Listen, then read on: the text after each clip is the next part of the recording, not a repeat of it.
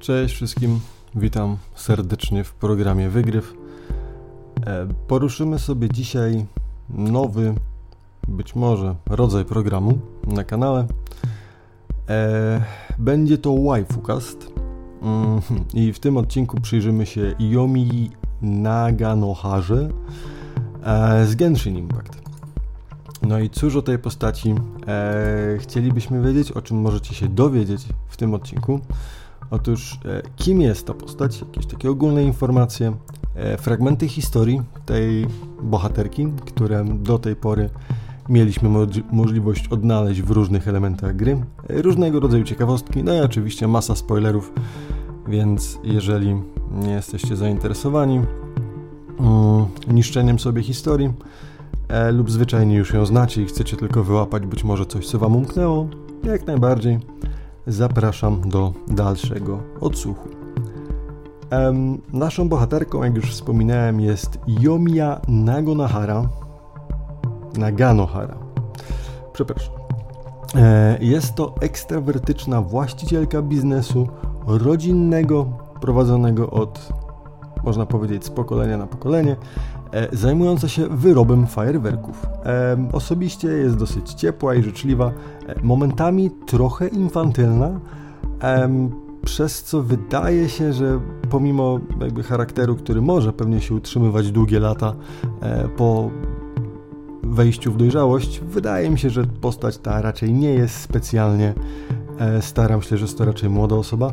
Co ciekawe, w sumie chyba w Genshinie nie mamy informacji na temat tego, kto ile lat ma. I o ile możemy się domyślać w sprawie kilku archonów, że mają oni tych lat co najmniej kilka tysięcy, wiedząc na przykład, że brali udział w ostatniej wielkiej bitwie bogów, um, o tyle chyba takich zwykłych ludzi um, nie mamy, że tak powiem, e, nie mamy świadomości tego, ile lat oni sobie e, żyją, więc tutaj no, możemy tylko spekulować. E, jest to chyba najbardziej ekspresyjna i, i, taka wylewna postać, jaką do tej pory wydała Inazuma, e, z jaką do tej pory mieliśmy mieć możliwość. E, I lubię o niej myśleć trochę jak o Amber, tylko nie z Mondstadt, a z Inazumy. W sensie pokrywają się one tylko do pewnego stopnia, natomiast pewnego rodzaju entuzjazm i dziecięcy zapał u obu są na tyle mocne, że myślę, że nie będzie dużym problemem, jeżeli spróbuję tutaj jedną pokazać jako e, odpowiednik drugiej, przynajmniej dla osób, które nie znają e, właśnie Yoimi. Mm, możecie sobie pewną zakładkę w głowie stworzyć właśnie w taki sposób. Dobrze, słuchajcie, postać ta walczy normalnie używając ognia, w sensie jej vision zapewnia moc korzystania z tego właśnie żywiołu, a i normalną bronią, z której korzysta w pełni, e, że tak powiem, z, z gracją, jest łuk. E, no i słuchajcie, e, przejdziemy sobie do pierwszego większego fragmentu po takim troszkę przydługawym wstępie. E, myślę, że i tak wszyscy, którzy się tu wgrali, wiedzą dokładnie o kogo chodzi, więc e, lećmy na content, lećmy na mięso, na e, właściwą zawartość tego, o czym pewnie chcielibyście posłuchać. Tak więc Zacznijmy sobie może od e, opisania e, wyglądu, ale zanim jeszcze do tego dojdziemy, do jej aspektów e, fizycznych, porozmawiajmy sobie o znaczeniu imienia. Jak wiemy, Inazuma jest wzorowana na Japonii, w związku z tym większość imion, które są tam nadawane, można myślę bezpośrednio próbować tłumaczyć właśnie z języka japońskiego. No i jeżeli mamy tutaj właśnie Yoimiye Naganohare, E, przyjrzyjmy się jej imieniu. Otóż imię to zapisuje się za pomocą dwóch znaków kanji.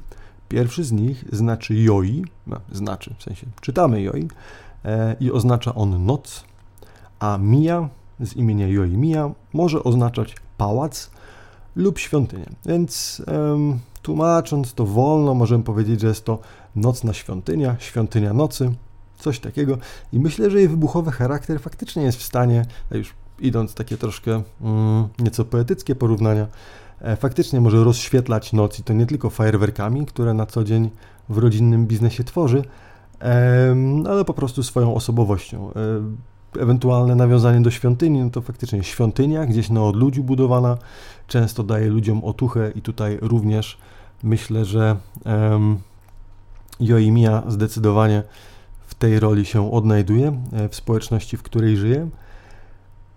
Co ciekawe, imię to, Joimia, faktycznie występuje w naszym realnym świecie i pojawia się ona w kilku krajach azjatyckich, gdzie jest oczywiście ona również jakby mm, nawiązaniem do, do japońskiego swojego znaczenia. Tam natomiast imię to konkretnie rozwija się w znaczenie, które oznacza e, jakby przedfestiwal, czyli wydarzenie festiwalowe, które wprowadza dopiero do właściwego eventu, do właściwego festiwalu. Tak więc taki przeddzień właściwej, właściwego wydarzenia. E, jeżeli pójdziemy sobie troszkę głębiej i próbując na przykład pogrzebać w shintoizmie, czyli jakby mm, politeistycznej religii Japonii, jednej z kilku, którą e, Japonia ma u siebie e, w kraju, no to tam wierzy się, że na przykład właśnie w przeddzień głównego festiwalu bóstwa wracają do świątyń, aby być gotowe właśnie na to właściwe wyjarzenie. I tak również imię Joimiya, myślę, możemy tłumaczyć. E, myślę, że to wyczerpuje w pewnym sensie możliwości tłumaczenia imienia. Zatem przejedźmy się po nazwisku tej osoby, które jeszcze raz przypomnę, to Naganohara. I ja tutaj jakoby próbując dodawać sobie wszystkie te znaczki, kanji i możliwe tłumaczenia, e, tłumaczę to sobie bardzo luźno na jako pierwszy, pierwsza wśród liderów. Dlaczego? E, jej nazwisko składa się z trzech znaków kanji. Naga, które oznacza długi albo lider. E, środkowym znakiem jest znak, który oznacza pole, a w tym konkretnym, konkretnym kontekście czytamy go jako no. I ostatni e, ze znaków hara, e, który może być rozumiany w zależności od tego, czy jest przymiotnikiem, czy rzeczownikiem. I tutaj, jeżeli przypatrzymy się temu znakowi w kontekście bycia e, słowem, które określa rzeczownik, no to jest to oryginalny, pierwszy lub surowy albo prymitywny. Natomiast jeżeli e, hara będzie tutaj rzeczownikiem, e, no to będzie to e, słowo oznaczające prerie, pole lub jakieś ostępy, jakieś dzikie, dzikie miejsca. No i w sumie Stąd właśnie próba tłumaczenia Naganohara jako e, pierwszy wśród liderów. Oczywiście interpretacji jest mnóstwo, więc Was zachęcam. E, fajna zabawa, żeby spróbować z tych trzech wyrazów ułożyć coś, co łączy się w jakiś minimalny sens.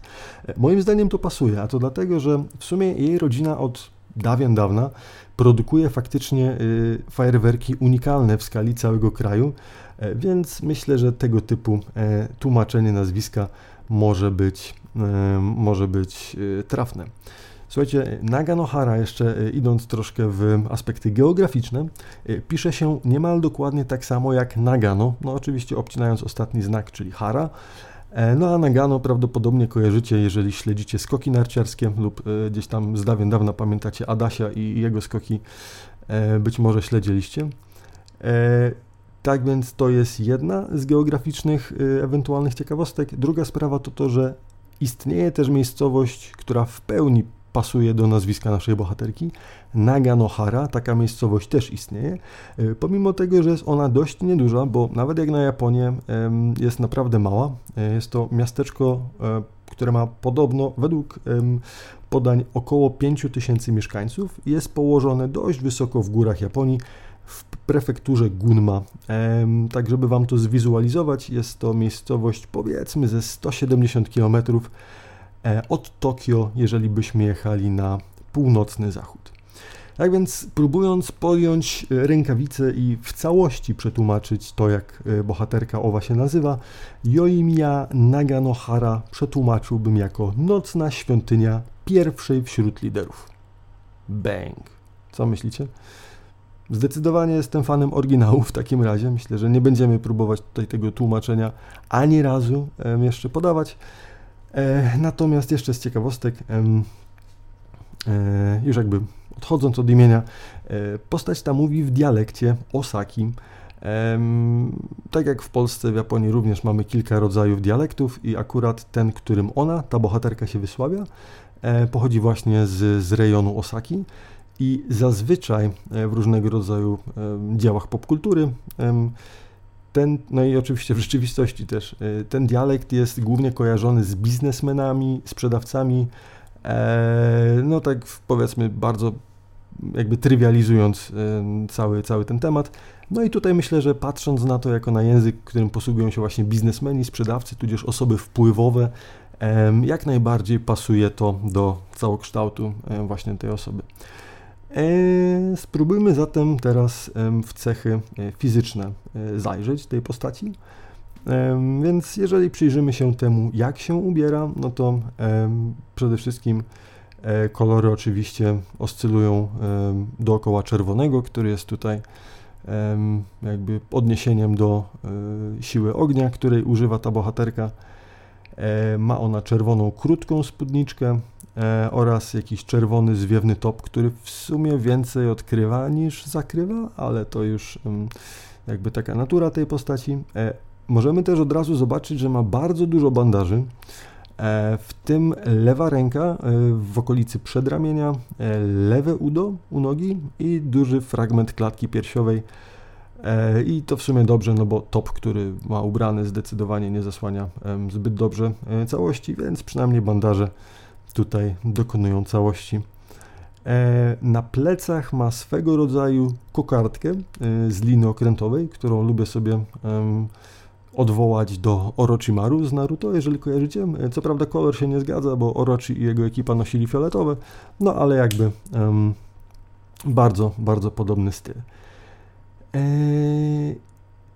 nogi. na nogach poza jedną nogawicą, bym powiedział, która zostaje dość niesymetryczna względem drugiej, która tego nie ma. E, warto zwrócić uwagę, że postać ta nie nosi tradycyjnych butów, przepraszam, tradycyjnych, typowych butów nie nosi, natomiast nosi właśnie tradycyjne, tradycyjny rodzaj klapek, tudzież, nie wiem, możecie pomyśleć sobie o tym jako Japonkach, tak, jest to geta, czyli taki drewniany klapek, który składa się z jednego fragmentu drewna i dwóch mniejszych deseczek, które robią za coś na rodzaj bieżnika. Takiego buta. I jest to zazwyczaj tradycyjny typ um, obuwia noszony głównie e, do kimon lub yukat, czyli ubrań, które zazwyczaj kojarzone są nieco bardziej formalnie, e, natomiast one zdecydowanie no, nie pasują do całości reszty tej postaci. Chyba, że spróbujemy się odnieść tutaj właśnie do Yoimii, jako osoby, która łączy y, nieco tradycji i nowoczesności, no i takiego powiewu ducha troszkę odskakującego od typowego mieszkańca Inazumy. I patrząc na to w tym kontekście, myślę, że zdecydowanie jej to pasuje. Mm. Jest to też chyba jedyna postać, przynajmniej jedyna, u której mm, jakby wpadło mi to w oko, która mm, spośród grywalnych postaci w Genshinie ma tatuaże. Mm, nie kojarzę nikogo innego, może Xiao, ale Xiao nie jest jakby zwykłym człowiekiem, o czym pewnie już wiecie, więc jego jakbym wypisał z tej całej listy. Natomiast spośród ludzi takich y, typowych, nie jakichś tam półbóstw, Yoimiya używa, używa, przepraszam, ma na sobie tatuaże i jeden z nich to malutki kwiatek, który ma e, tuż nad bandażami na piersi, e, który, no, kwiatek albo fajerwerek, to można różnie interpretować. Myślę, że w związku z sytuacją i jej biznesem, myślę, że bardziej jest to fajerwerek niż kwiatek, no ale e, właśnie nawet po japońsku fajerwerki to kwiaty ognia, czyli hanabi. E, zatem myślę, że możemy myśleć o tym jak o jednej rzeczy.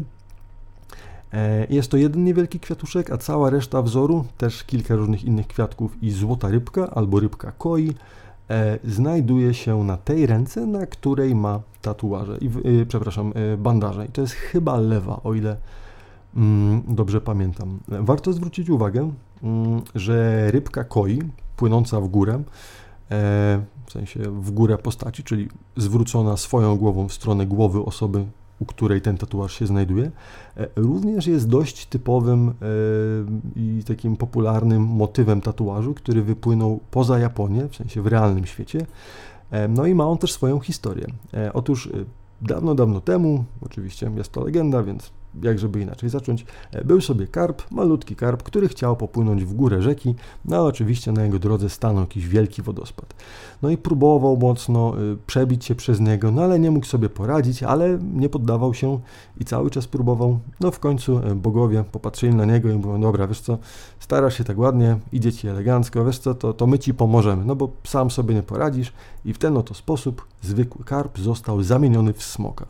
I smok ten nie tylko właśnie e, mógł wspiąć się na wodospad, ale był również w stanie e, wlecieć, wzlecieć w niebiosa i e, tak zostać zapamiętany. Tak więc jest to mm, tatuaż, który myślę uosabia opór i dążenie do własnych celów, kiedy motywacja pomimo niepowodzeń bywa, mm, bywa naruszona, jakby chęć i wizja tej osoby sprawia, że no, jednak jej pasja tutaj mimo wszystko zwycięża. Więc jak to tłumaczyć w kontekście postaci? Myślę, że jeszcze się dowiemy. Póki co zbyt mało mamy informacji na jej temat, natomiast myślę, że można to spokojnie łączyć z uporem, e, który myślę, że ta postać dość mocno uosabia.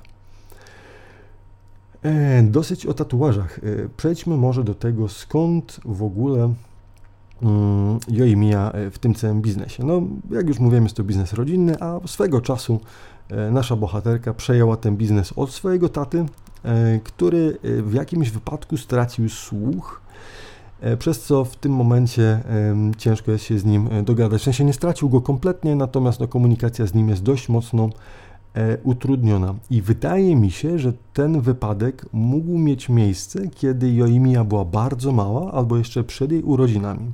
A myślę tak, ponieważ e, w sumie gadatliwość Joimii wzięła się między innymi stąd, że e, Joimia mówiąc do swojego ojca często widziała jak bardzo on jest z tego zadowolony i jak mocno jej słucha, w związku z czym ona nawijała coraz więcej i więcej, coraz bardziej i bardziej, um, aż kiedyś zorientowała się, że tak naprawdę jej tato ma problem ze słuchem i nie do końca być może rozumie, o czym mówi jego córka, niemniej jednak zawsze z uśmiechem przysłuchiwał się e, jej historiom. E, tak więc nawet odkrywając ten jakże smutny fakt, e, no, bohaterka nasza nie zraziła się, e, a wręcz zaczęła być może kumulować więcej tych historii właśnie dla swojego ojca i tak prawdopodobnie Stąd jej gadatliwość, która, jak myślę, zauważyliście, jeżeli tą postać już poznaliście w grze, jest na naprawdę wysokim poziomie. Nawet jak na, standard, jak na standardy Mondstadt czy, czy Liue, e, myślę, że ta postać ma naprawdę zadatki na bycie hmm, jedną z pierwszych osób, jeżeli chodzi o jej wygadanie. Mm, co na Inazumie jest dość nietypową cechą, ale być może dlatego właśnie jest ona tutaj e, tak charakterystyczna, zwłaszcza w sprawie kontekstu, e, w którym, w którym możemy ją zastać.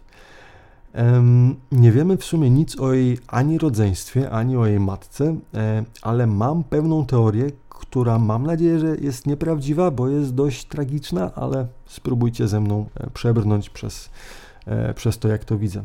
Otóż e, załóżmy sobie, że wypadek, w którym jej ojciec stracił słuch, e, mógł również spowodować być może śmierć innych osób z rodziny, ponieważ, tak jak wspominałem, ani o matce, ani o ewentualnym rodzeństwie nic nie wiemy, więc możemy zakładać, że nie żyją. Być może był to ten sam wypadek, w którym jej ojciec stracił słuch.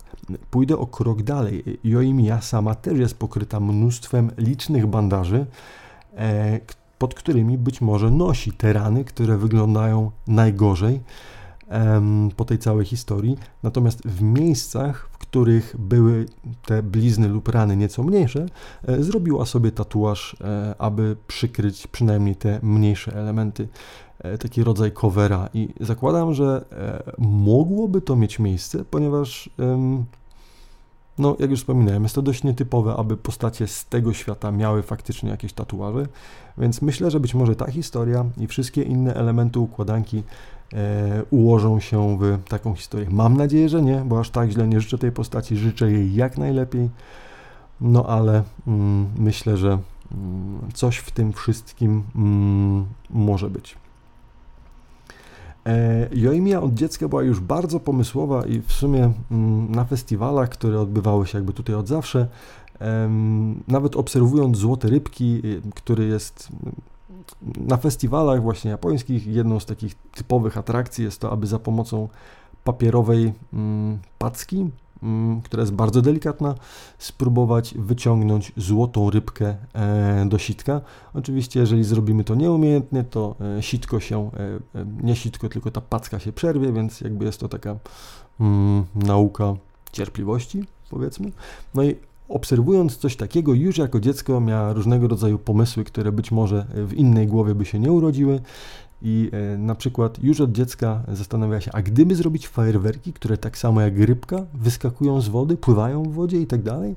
No i zgadnijcie co, będąc starszą, Joimia faktycznie wymyśliła coś takiego, coś co um, nie wiem, nazwę tu po angielsku, bo po polsku to nie brzmi zbyt dobrze, y, takie goldfish fajerwerki, w sensie fajerwerki złotej rybki, nie? No, takie, które pływają. Um, no, myślę, że jak na um, dziecięce marzenie całkiem niezła próba e, odtworzenia tego e, w życiu dorosłym. E, pokazuje tylko, jak bardzo ta postać faktycznie potrafi przekuć swoją fantazję na, na rzeczywistość. I być może właśnie dlatego ma symbol wytatuowany rybki koi, bo być może właśnie razem z nimi, z tymi rybkami i z festiwalami wspomina jakąś miłą część swojego dzieciństwa, być może gdy w całości, w komplecie rodziny chodzili sobie e, wszyscy Państwo e, na Ganohara na tego rodzaju wydarzenia. No i co ciekawe, Joimia oczywiście jest też fanką rybek i posiada w domu akwarium, gdzie również taką złotą rybkę, nie wiemy jakie rybki ma, natomiast wiemy, że co najmniej ma jedną złotą, e, która ma imię Taro i jak sama bohaterka twierdzi, e, jest to najbardziej, jest to ryba, na której najbardziej może polegać. Nie mam pojęcia, czy jest jakiś przywódca stada rybiego, czy co, ale no cóż, zdecydowanie ryba, tutaj złota rybka konkretnie jest symbolem tej postaci i to nie tylko przez ten tatuaż i zamiłowanie do tego typu zwierząt, ale chociażby dlatego, że nawet jej konstelacją jest właśnie złota rybka. Ehm, no dobrze, ale jak, skąd Joimiya w ogóle i jej droga do sukcesu zostania em, dziedziczką i także rozpoznawalną postacią w Inazumie, jak to się wszystko zaczęło? Tak więc zacznijmy sobie od tego, że komisja Yashiro e, ponad 100 lat temu od obecnych wydarzeń zorganizowała pierwszy pokaz sztucznych ogni, e, który właśnie e, od początku prawdopodobnie był prowadzony przez rodzinę Naganoharów. Od tamtej pory rok rocznie to się powtarza i jest nieodłącznym elementem właśnie festiwalów, które się na tej wyspie odbywają. I tak oto pewnego pięknego dnia przeddzień przejęcia e, rodzinnego biznesu, e, zdecydowanie e, pracująca za dużo i zbyt podekscytowana jak, jak na siebie Joimia nie mogła zasnąć z wrażenia. No i całą nockę pracowała, um, aby festiwal mógł faktycznie być najlepszy, dopracowując wszystkie jego elementy na 100%. I kiedy nad ranem, po y, przepracowanej ciężkiej nocy, po wschodzie słońca, y, usłyszała jakiś ruch dookoła, y, okazało się, że do jednego z pustych naczyń po fajerwerkach, w sensie do takiej tuby, wpadł właśnie Vision. Na początku nie miała pojęcia, co to jest i w sumie używała tego prawdopodobnie jako przycisk do papieru. E, natomiast w pewnym momencie, kiedy zobaczył to jej ojciec, wyjaśnił jej w pełni, że e, nie jest to zwykły bibelot, który gdzieś spadł z półki, ale no, jest to dużo większa rzecz, e, o której zwyczajnie Joimia wtedy nie wiedziała. Później sama Joimia miała żartować, że prawdopodobnie zdobyła ten wyżyn, ponieważ któremuś z bóstw podobały się jej fajerwerki. Hmm, czyżby prezent od bal? Kto wie bo między innymi właśnie w związku z bal y, musiała właśnie przygotować pewne specjalne rzeczy e, na ten pokaz. E, a konkretnie mm, Konkretnie poprosiła ją o to Ajaka, e, Ajaka, o której już troszkę wiecie, z gry, która poprosiła ją o dodanie symbolu Mitsudomoe do pokazu. Czymże jest taki, czymże jest Mitsudomoe, możecie zapytać? O ile brzmi to dość tajemniczo, to jest to dokładnie ten znak, który macie w głowie, kiedy pomyślicie o mocy elektro. W sensie ten taki um, troszkę tribal y, z jakby trzema ramionami, który właśnie uosabia w grze Genshin Impact moc, e, moc prądu. E, nie jest to wzór jakby wymyślony bezpośrednio na potrzeby tej gry, ale jest on zwyczajnie zapożyczony z heraldyki japońskiej i taką właśnie tam nazwę e, taką tam nazwę e, mam. I otóż właśnie Ayaka, czyli przywódczyni tej komisji, która jest odpowiedzialna właśnie za festiwale, i różnego rodzaju e, eventy kulturowe, poprosiła, aby taki specjalny fajerwerek, który będzie wyglądał jak właśnie symbol e, elektron, czyli ten, z którym uosabiana jest bal, pojawił się właśnie na e, pokazie sztucznych ogni. No i oczywiście Joimiya przygotowała i ten dodatkowy element występu, zgodnie tym, o co Ayaka ją prosiła.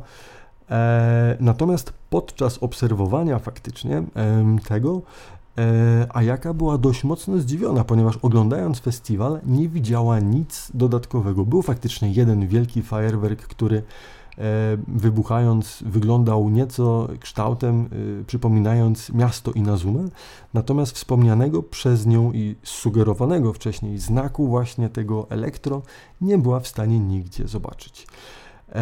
Kiedy po rozmowie z Joimią podzieliła się swoimi wątpliwościami, zrozumiała, że tak naprawdę symbol, który oglądali ludzie z miasta, w tym i ona, e, był widziany właśnie tak jak miasto Inazuma, natomiast z miejsca, gdzie znajdowała się Bal, która również miała w tym roku oglądać ten spektakl, jakby kwestia perspektywy i spojrzenia na ten sam fajerwerk sprawiał, że z jej punktu widzenia wyglądał on właśnie jak wspomniany znak Mitsudomoe. Także E, była to rzecz niesamowita i oczywiście pomysłowa, której moglibyśmy oczekiwać właśnie od Yoimi, która wchodzi w rodzinny biznes, przejmując właśnie jakby oficjalnie e, bycie głową e, tego biznesu. No i myślę, że chwilę po tym prawdopodobnie dostała ona jeden z kilku swoich przydomków, a mianowicie jest to mm, przydomek, który chwileczkę, jak on się nazywał? Mm, a, chyba została nazwana królową fajerwerków, czy coś takiego wśród ludności i znajomych. No i myślę, że em, królowa fajerwerków y, dość dobrze pasuje do tego imienia, które na początku próbowaliśmy zinterpretować, czyli do nocnej świątyni pierwszej wśród liderów. No, co sądzicie?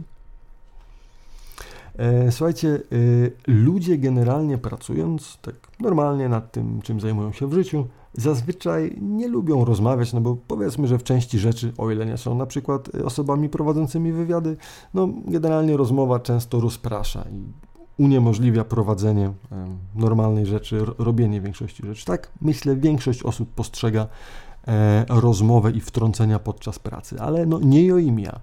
Ona tak naprawdę bez możliwości rozmowy podczas pracy y, nie jest w stanie się skupić i kiedy przygotowuje dla kogoś zamówienie, zwyczajnie musi wyczuć jego intencje, nastrój, uczucia i bez rozmowy z jakąś osobą podczas pracy nie jest w stanie odpowiednio tego przelać właśnie fajerwerek, który tworzy.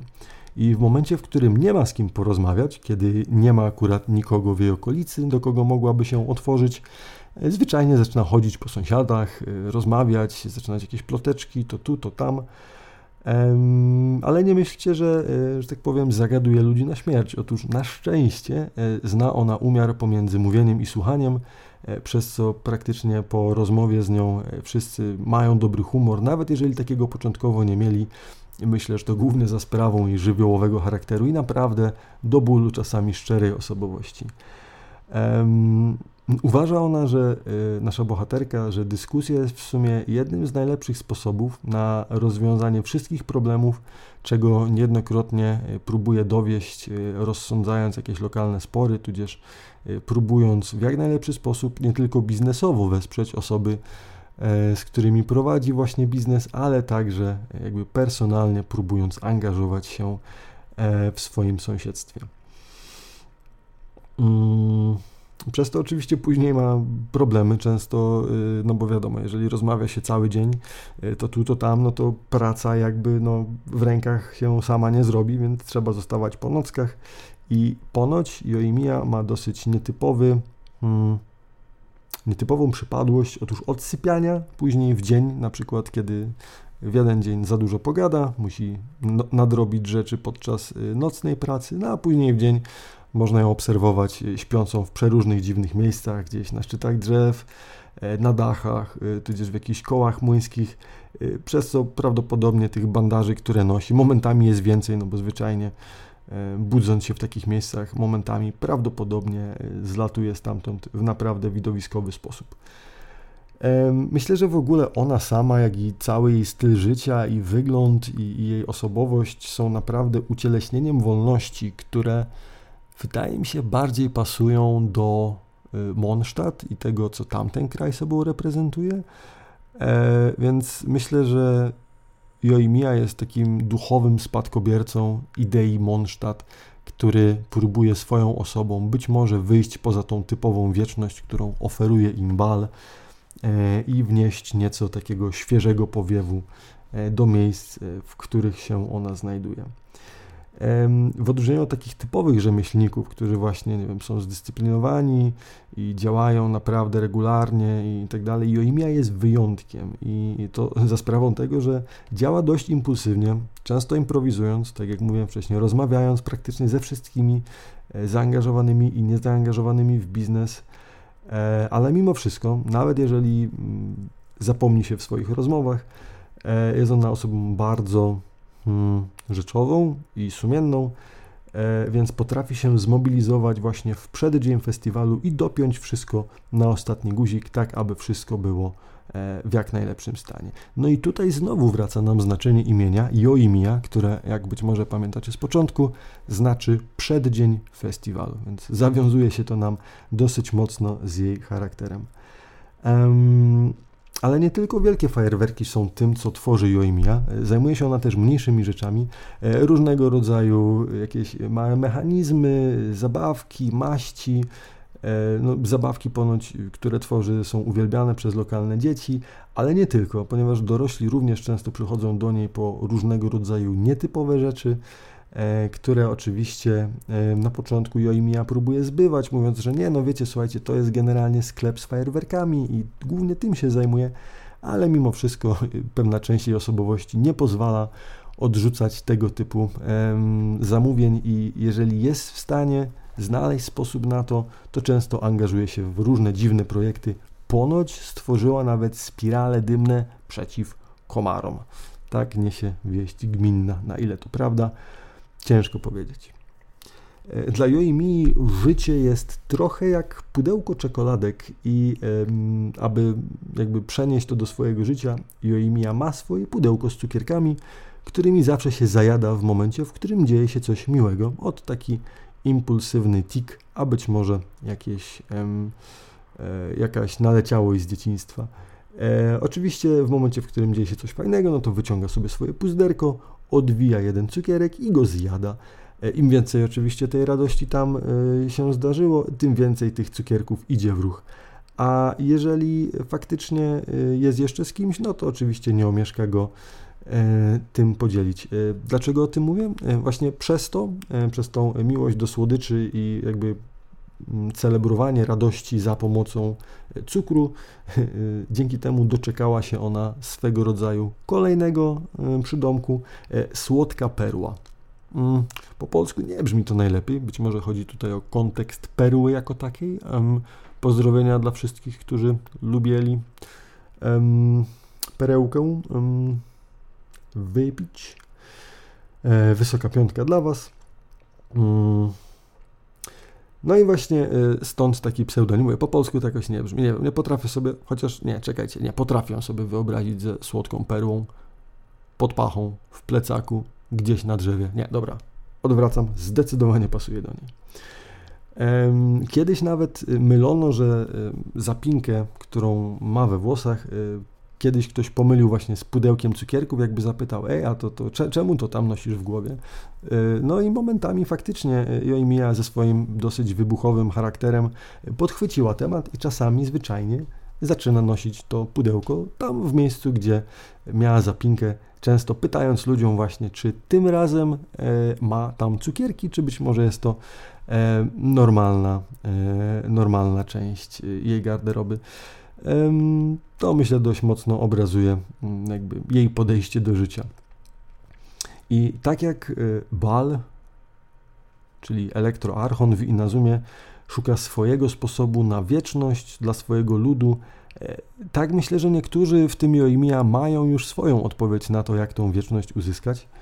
E, no i jeżeli chodzi właśnie o bohaterkę, którą opisujemy w tym odcinku, e, są to właśnie fajerwerki. Fajerwerki dla danych osób, rodzin, dla konkretnych grup ludzi, które z roku na rok tradycyjnie przygotowywane są dokładnie w ten sam sposób. E, przepis na to, jak dany fajerwerek jest zrobiony, który umożliwia odtworzenie go z roku na rok, jest przekazywany na specjalnych karteczkach, mm, które mogą oczywiście e, po roku e, z powrotem wrócić jako zamówienia do rodziny Nagonacharów i tak oto nawet po wielu, wielu latach, a z tego co wiemy było ich co najmniej 50, te same fajerwerki mogą rozświetlić wieczorne niebo. E, no i w ten sposób, e, co później również będzie opowiedziane w ramach Questa, e, który opowiada historię Joimi, osoby, które oglądają tego typu fajerwerki, faktycznie są w stanie się przenieść do czasów, w których widziały je po raz pierwszy, a razem z tym wraca nostalgia, stare uczucia. No i myślę, że jest to jedyne w swoim rodzaju wydarzenie dla tamtych osób, kiedy są w stanie E, po raz kolejny powrócić do przeszłości e, właśnie za pomocą magicznych fajerwerków produkowanych przez rodzinę Nagonacharów. E, zastanawiam się, o czym myśli sobie Joimiya, kiedy właśnie w ciszy ogląda ten spektakl, ponieważ jest to jedyne, jakże dla niej nietypowe, kiedy to jedynie na kilka minut w ciągu roku ona milknie, aby obserwować właśnie ten spektakl. E, czy być może podziwia go tylko i jakby próbuje ocenić ilość pracy włożonej w przygotowanie tego dzieła, czy być może przenosi się do swojego dzieciństwa, wspominając być może e, radosne chwile, e, które miała one razem z całą rodziną, kiedy to jako dziecko jeszcze chodziła na tego typu festiwale. I tak oto przechodzimy do treści Questa, dzięki której możemy się nieco bardziej przyjrzeć tej postaci, e, który jest nazwany Dreamlike Timelessness, czyli coś jak niby senna bezczasowość. I tak sprawdzałem jest takie słowo jak bezczasowość. Co to oznacza? Nie wiem, ale brzmi nieźle. Jak coś z fizyki kwantowej. Bezczasowość. Ciekawe, co Einstein by o tym powiedział.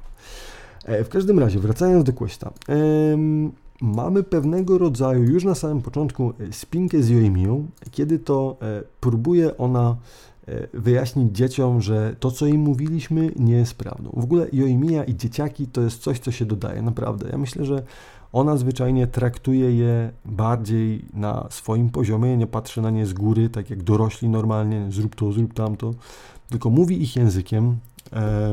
Faktycznie myślę, że one, w sensie dzieci, również ją traktują jako osobę godną zaufania, jako jedną ze swoich, co prawda trochę większą i starszą, ale jednak dalej dziecko. I myślę, że mm, charakter Joimi zdecydowanie jej w tym pomaga. E, I tak oto, e, kiedy nasz bohater e, spotyka właśnie kilka dzieci, które idą poszukiwać legendarnego stwora, który ponoć przeszkadza i płata różne figle i psikusy, bardziej lub mniej straszne mieszkańcom E, i na zoomy e, nasz bohater zwyczajnie razem z Paimon niszczą i rujnują marzenia tych dzieci, opowiadając im o tym, że nie, słuchajcie, wiecie, ten stwór, o którym wy tu mówicie i te wszystkie historie, e, one się nie dodają, wiecie, to, to musieli wam rodzice wymyślić po to, żebyście, nie wiem, nie wychodzili z domu po zmroku. Jakże bezduszny musi być bohater i Paimon, żeby takie rzeczy pleść. E, do dzieci. Oczywiście Joimia od razu ratuje sytuację i z racji swojego e, uznania wśród nich oczywiście sugeruje, że no zdecydowanie nasz bohater ma tutaj jakieś że jest po prostu niedoinformowany, co oczywiście jak na osobę z zewnątrz może być łatwo przez dzieci podchwycone. No jako lider nieformalny na szczęście dzieciakom e, wyjaśnia, że nasz bohater się nie zna i żeby spokojnie dalej kontynuowały cokolwiek robiły. E, także na szczęście dziecięce marzenia zostały ochronione dzięki pomocy Joimi, która sama później wyjaśnia, że nie możemy pozbawiać tak po prostu tych dzieci magii, ponieważ no, w dzieciństwie jednak E, musi być to jakby część tego. Przecież no, o czym te dzieciaki mają mówić? Przecież nie o dekrecie Sakoku i o poszukiwaniu e, poszukiwaniu mm, wiżonów i o wojnie domowej, prawda? Lepiej już niech się skupią na jakichś e, lokalnych historykach, o demonach, które, nie wiem, sprawiają, że kiśnie mleko albo e, różnego rodzaju rzeczy giną z pola, prawda? Dużo przyjemniejsze. No i tego słowo do słowa e, ostatecznie e, zaczynamy pomagać e, Joimi w przygotowaniach do festiwalu, dzięki czemu dowiadujemy się właśnie, jaką rolę jej rodzina odgrywa w tej całej historii. I tak oto poznajemy właśnie przygłuchawego tatę Joimi, który opowiada nam historię rodzinnej tradycji i kiedy tak sobie właśnie słuchamy o tym wszystkim, nagle do Joimi ktoś zagaduje gdzieś z tyłów jej domu, i po chwili, e, kiedy też tam dochodzimy, dowiadujemy się, że jest to jeden z jej byłych klientów, e, Sakujiro, e, jego imię. I ukrywa się on w jej domu, albo raczej Joimia pozwala mu ukrywać się u siebie w domu, ponieważ jest on poszukiwany. Dlaczego jest poszukiwany? Prawdopodobnie z tym, że kiedyś opuścił wyspę, być może bez odpowiedniego zezwolenia, i z tego, co później się dowiemy, nie miało to miejsca podczas tego dekretu Sakoku, więc być może w jakiś inny sposób złamał on prawo uciekając z wyspy. Natomiast teraz powrócił, ponieważ czuł potrzebę uregulowania pewnych rachunków. Natomiast no, w tym momencie już jest gotowy do odjazdu. Na tym etapie nie wiemy jeszcze, czy udało mu się rozprawić z demonami, które przywiały go z powrotem na Inazumę, ale Mm, wiemy tyle, że nasza bohaterka tutaj ma zamiar pomóc mu, e, aby z tej wyspy po raz kolejny uciekł. No i później, po tym, kiedy on z powrotem chowa się do domku, my chodzimy razem za nią, e, chodząc do klientów, jej zaopatrzeniowców, no i widzimy, że naprawdę e, ta postać jest darzona sporą sympatią przez lokalną społeczność.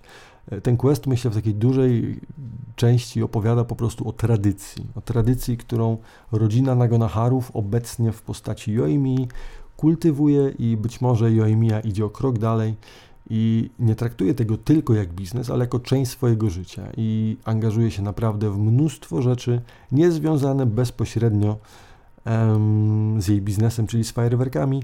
Niemniej jednak jej właśnie wybuchowy i ekstrawertyczny charakter zdecydowanie pomagają, aby, aby do tego wszystkiego mm, dotrzeć. I tak oto na przykład, kiedy to potrzebuje kilku rzeczy, e, które potrzebuje z kuźni, kiedy zwykły, w sensie ten główny kowal nie jest w stanie sprostać jej wymaganiu, ponieważ Joimia oczywiście za 5 dziesiąta e, przychodzi do niego z jakimś nowym zamówieniem, e, nie jest w stanie się z tym wyrobić, ponieważ dostał prawdopodobnie mnóstwo zleceń od Shoguna, aby przygotować broń, być może do walki z rebelią, hm, być może, na pewno. E, pomaga w nadrobieniu rzeczy i w dotrzymaniu, i w możliwości dotrzymaniu terminów i niezawaleniu całego właśnie festiwalu fajerwerek. E, sam mistrz, który już od dawna w kuźni nie robi, a jedynie obserwuje swego przyuczonego i obecnego właśnie kowala na stanowisku. Sam mistrz właśnie Joimi pomaga, aby była w stanie ona uświetnić e, i zrobić wszystko, co potrzeba e, na ten właśnie festiwal. Spotykamy się również z gościem, który przygotowuje łódkę e, do ucieczki dla tej osoby, która właśnie ukrywa się w domu. Joimi, e, no i po kilku gdzieś tam rozmowach dowiadujemy się, że no w sumie nie jest to łatwa sprawa, ponieważ ktokolwiek pracuje nad jakąkolwiek formą łodzi, czy czymś, co mogłoby umożliwić e, wydostanie się z lub z powrotem na wyspę, jest raczej niemile widziane i pod ścisłym nadzorem, więc tutaj mm, być może ryzykując dość sporo, zarówno Joimia, mm, która jest tutaj jakby mózgiem tej operacji, e, tak samo jej kolega, tudzież towarzysz, który pomaga jej wykonać tą łódkę na jej zlecenie, dość dużo ryzykują. No ale tak jak wiemy, Joimia nie potrafi się oprzeć y, pomocy y, osobom, które, y, które zna. E, udajemy się również do starszej pary, mm, od której dowiadujemy się, że w tym roku mm, na festiwalu przypada 50. rocznica ich oświadczyn, e, momentu, w którym to oficjalnie zostali zaręczeni. No i tak to od 50 lat cały czas ten sam fajerwerek, który wtedy właśnie rozświetlał niebo, znowu mogą obserwować. Joimia sugeruje, że być może jak na taką specjalną rocznicę e, stworzy coś specjalnego. Natomiast znowu odwołując się do tradycji, e, państwo ci starsi już dziadkowie sugerują, żeby jednak pozostać przy tym, co już od zawsze widywali na niebie, ponieważ to dokładnie właśnie przenosi ich do przeszłości, aby mogli sobie wspominać y, te chwile sprzed właśnie pół wieku. Co ciekawe, ci Państwo mm, są rodzicami e, przyjaciela e, tego, osoba, którą ukrywała Joimia, miała przyjaciela, tak? I ten przyjaciel właśnie, e, tego przyjaciela rodzicami są ci Państwo. E, od których, e, u, u, których tutaj byliśmy. I ich syn oczywiście w tym momencie pracuje dla komisji Tenriu. E, to są ci od bezpieczeństwa publicznego i od wdrażania właśnie Vision Hunt Decree. I ten ich syn, o którym tutaj mowa, ma na imię Keisuke. No i wszyscy oczywiście wspominają sobie, co tam się działo, jak to się zaręczali i tak dalej aż w końcu dowiadujemy się, że tak naprawdę od słowa do słowa, e, że ta osoba, która się ukrywa w domu Joimi i Keisuke, czyli syn tych państwa, byli kiedyś naprawdę zżyłymi przyjaciółmi do momentu, w którym coś poszło nie tak. No i e, od tamtej pory oczywiście nie mieli jak się specjalnie dogadać. Chwilę później uciekinier, tak jak właśnie dowiedzieliśmy się od niego, opuścił wyspę. No ale teraz, jak wiemy, wrócił z powrotem. E, aby wyrównać rachunki. I Oimiya, której już świta tak naprawdę, jak tutaj dodają się puzzle tej układanki, której wcześniej w całości nie była świadoma, zaczyna pędzić do domu, aby tam zastać tylko informację o tym, że e, osoba, którą e, wcześniej ukrywała, została przegoniona z ich domu, a mianowicie sama uciekła po tym, jak właśnie strażnicy zaczęli przeszukiwać dom. No jakże y, smutna i tragiczna jest to historia, niemalże jak z antycznej tragedii, kiedy to właśnie mamy dwóch przyjaciół po dwóch stronie barykady, e, jedna właśnie z komisji e, Tenryu, druga prawdopodobnie uciekinier i osoba ścigana, ale już niebawem dowiemy się, jak ta historia się kończy, przynajmniej w najbliższej chwili. E, Joimia e, pędzi szukać właśnie e, tego zbiega, któremu dawała, dawała schronienie. Z pomocą przychodzą dzieci, które jak wiadomo wiedzą zawsze i wszędzie co się dzieje. Dzieciaki oczywiście widziały dokąd szli zarówno strażnicy, jak i jej uciekinier. No i my po chwili też docieramy na miejsce, które w pewnym momencie blokują nam strażnicy. Joimia, mm, tutaj też jakby do głosu dochodzi jej charakter, e, nie waha się specjalnie i jest w stanie nawet e, nieco agresywniej e, przekonać strażników o tym, aby jednak dali jej przejść. No i tutaj jakby pokazuje to, jak bardzo angażuje się w sprawy, które nie są do końca nawet związane z jej biznesem, ale zwyczajnie porywy serca nie pozwalają jej zostawiać niedokończonych spraw, jeżeli dzieją się one w jej okolicy. I tak oto ostatecznie docieramy do miejsca, gdzie Sakujiro, czyli ta osoba, która właśnie y, uciekała, jak i Keisuke, czyli syn wspomnianych wcześniej państwa, który obecnie jest po stronie shogunatu, e, prawdopodobnie po walce Keisuke, czyli ten pan, który reprezentuje stronę prawa, e, mówi o tym, jak bardzo zawiódł się na swoim przyjacielu, zarówno przez to, że tamten uciekał, jak i to, że teraz y, tutaj oczywiście leży i padł. E, po pojedynku. E, myślę, że ten pojedynek tutaj ma taki charakter dość mm, po pierwsze teatralny, po drugie mm, swego czasu, i to myślę w różnych kulturach, pojedynek był traktowany jako sąd Boży. Czyli ten, kto ma rację, ten, kto faktycznie reprezentuje mm, stronę prawą, wygra, tak? ponieważ jego ręka będzie tutaj prowadzona przez lokalne bóstwa i na pewno wtedy on zwycięży. Przez to, jak właśnie prawy jest, jak bardzo wierzy w swoje ideały. No i tutaj właśnie Keisuke pastwi się nad Sakujiro, który mówi, że nie dość, że uciekł, to jeszcze teraz jest słaby i nie jest w stanie z nim walczyć. I wszystko wygląda na to, że historia obróci się dość tragicznie przeciwko dwóm byłym przyjaciołom. Na szczęście pojawia się Yoimiya i troszkę na siebie ich napuszczając, stara się ich połączyć i zmusić do myślenia, ponieważ wydaje się, że tak naprawdę ona już wie, e, co ich poróżniło i jak być może ich do siebie przekonać. E, Keisuke niespecjalnie ma ochotę tego słuchać, na co Yoimiya stwierdza, że jeżeli nie ma zamiaru on jej słuchać, to ona z chęcią kolejny raz z nim będzie walczyć, reprezentując e, właśnie uciekiniera i jeżeli wygra, ma go wysłuchać i powiedzieć, co tak naprawdę myśli i czuje. E, Keisuke prawdopodobnie mm, negując jakieś możliwości fizyczne, e, Yoimi podejmuje rękawicę, stwierdzając, że jeżeli ona przegra, to oboje lądują w więzieniu. Yoimiya nie waha się ani chwili i dochodzi do walki, którą oczywiście nasza bohaterka wygrywa. No i tak ostatecznie, po, od słowa do słowa, e, do takiego ostatecznego pojednania, no dochodzi i nie dochodzi, ponieważ jakby jeden drugiego nie zamyka w więzieniu, ale pozwala mu odejść. E, no i obiecują sobie nawzajem, że się jeszcze spotkają i wtedy już nie będzie taryfy ulgowej, kolejny pojedynek będzie już poważny, bla bla bla, wiecie, coś takiego jak mówią sobie arcywrogowie. E, ale jest to zarazem mm, sugestia tego, że spotkają się w przyszłości. Jest to nieco jakby obietnica tego, że ich historia w tym momencie się nie kończy. Tak więc jeden y, odpływa, ostatecznie używając łodzi, którą Joimia przygotowała dla niego e, rękami swoich y, przyjaciół. E, no a pan tutaj, e, ten, który nie zamknął swojego e, byłego przyjaciela, zadaje pytanie o imię, czy byłaby w stanie ona stworzyć dla niego specjalny właśnie fajerwerek, ponieważ to tego wieczoru ma się odbyć pokaz.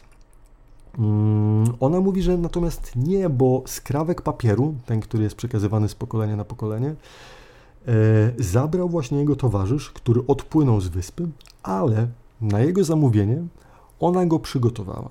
I może, y, że tak powiem, on zostać również częścią tego festiwalu, jeżeli tamten sobie tego życzy, co oczywiście e, pokazuje, jak bardzo ten uciekinier, pomimo tego, że, e, że uciekł, e, jest w stanie, jakim gestem jest w stanie tutaj dla swojego towarzysza mm, mm, stworzyć. Być może właśnie ten konkretny fajerwerek i rzeczy, które być może wspominają, które są z nim związane, jest ukłonem w jego stronę takim bardzo mocnym, biorąc pod uwagę cały kontekst, do którego do tej pory gra pokazywała nam. Tak? W sensie gra sugeruje, że kontekst tutaj jest naprawdę bardzo ważny i jakby te wszystkie fajerwerki reprezentują w sposób bezpośredni myśli, wspomnienia i uczucia osób, które są w to zaangażowane. E, tak więc, kiedy ostatecznie podczas fajerwerków oboje obserwują niebo, rozpoznając swój fajerwerek, e, zarówno jeden w Inazumie, gdzie pozostał, jak i drugi uciekając na łodzi, e, myślę, że przenoszą się właśnie w tamte dni, które, kto wie, myślę, tylko oni dwoje wiedzą,